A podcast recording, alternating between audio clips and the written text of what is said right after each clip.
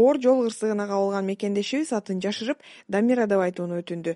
Дамиранын ооруканадан чыкканына бир айга чукулдап калды.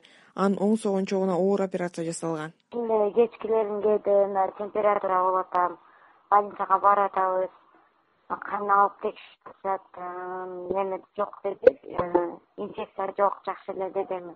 Ооруйт дейт бир жыл бир жылга чейин ооруйт дейт азыр бутум осу даңкайып шишип турат жерге мындай жаздыкка даже бутумду сунуп кыймылдатып атам бирок мындай койгонумда бир башкача бир эме бар да оору бар да. Боль аябай бир страшный бир боль бар. Ачып кетсе беш он мүнөткө чейин тура алам болбосо жок дамира кабылган каргышалуу кырсык жыйырма сегизинчи июлда түнкү он бирде болгон. Катуу ылдамдыкта келе жаткан унаа электромотоциклде бараткан дамираны коюп качып кеткен. Дароо полиция менен тез жардам чакырылып кылмыш иши козголгон. Бирок унаанын айдоочусу дагы деле табыла элек. Эки милиция келди анын деле келгенине бир да бир неделя болду. Алардан деле кабар жок. Звонить этип эмне болду деп таптыңыздарбы десем э, сен бизге карышпа деп койду. Биз өзүбүз тапканда кабар беребиз деп койду консульстводон эки адвокат жөнөткөн да. Адвокатка звонить этсем бул жак кыргызстан эмес да сразу эле болуп кеткендей. Мен менин колумда сага окшогон элүү киши бар. Мен кайсысына жетишем акыры менен болот бир жылдын ичинде чечилет деп ошентип койду. Дамиранын кызыкчылыгын сотто анталиялык адвокат денис гиргил коргойт. Ал кырсык болгон жердеги видеокамералардагы жазуунун табылбай жатканын биз байланышканда айтып берди кырсык болгон күнү ал жердеги коопсуздук камералар видеону жаздырбаптыр.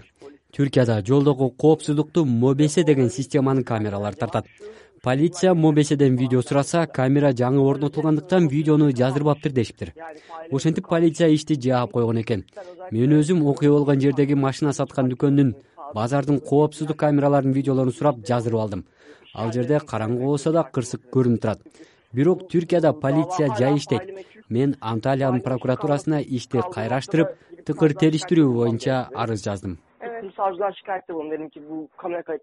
Адвокат денис гиргил эгер кырсыкка тиешеси бар жаран кармалып иши сотко өтсө катуу жаза аларын эскертет. Ne olur? Işte bir kere kaçıp gittiği için айдоочу табылса качып кеткендиги үчүн жазасы катуу болот. Дагы бир жагдай катуу ылдамдыкта келаткан мен айдоочу мас абалда болушу керек деп ойлоп жатам. Анткени катуу айдап кырсык болгондон кийин токтобой качып кеткен durmuyor дамира азыркы тапта таанышынын үйүндө баш калкалап турат. Күнүнө жанына келип каралашкан кыргызстандык аял бар. Он экинчи сентябрда кайра ооруканага барып бутундагы темирлерди алдырып кайра башкасын койдурат экен. Ооруканадагы баардык төлөмдөрдү медициналык камсыздандыруу фирмасы жабат. Бирок дамира аны койдуруп кеткен айдоочунун табылбай жатканына жаны ачып турган кези. Эми мондай түртүп эме кылбаса конечно эми ябанчы деп мени карабайчыбы деп ойлоп атам мен.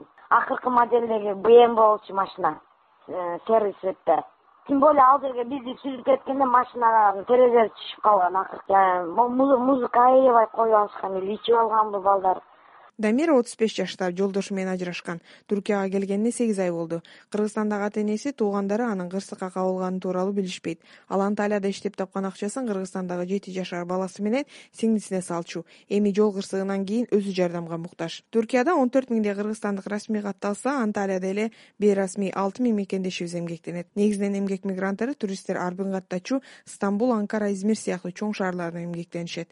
Элвира будайчиева азаттык стамбул шаары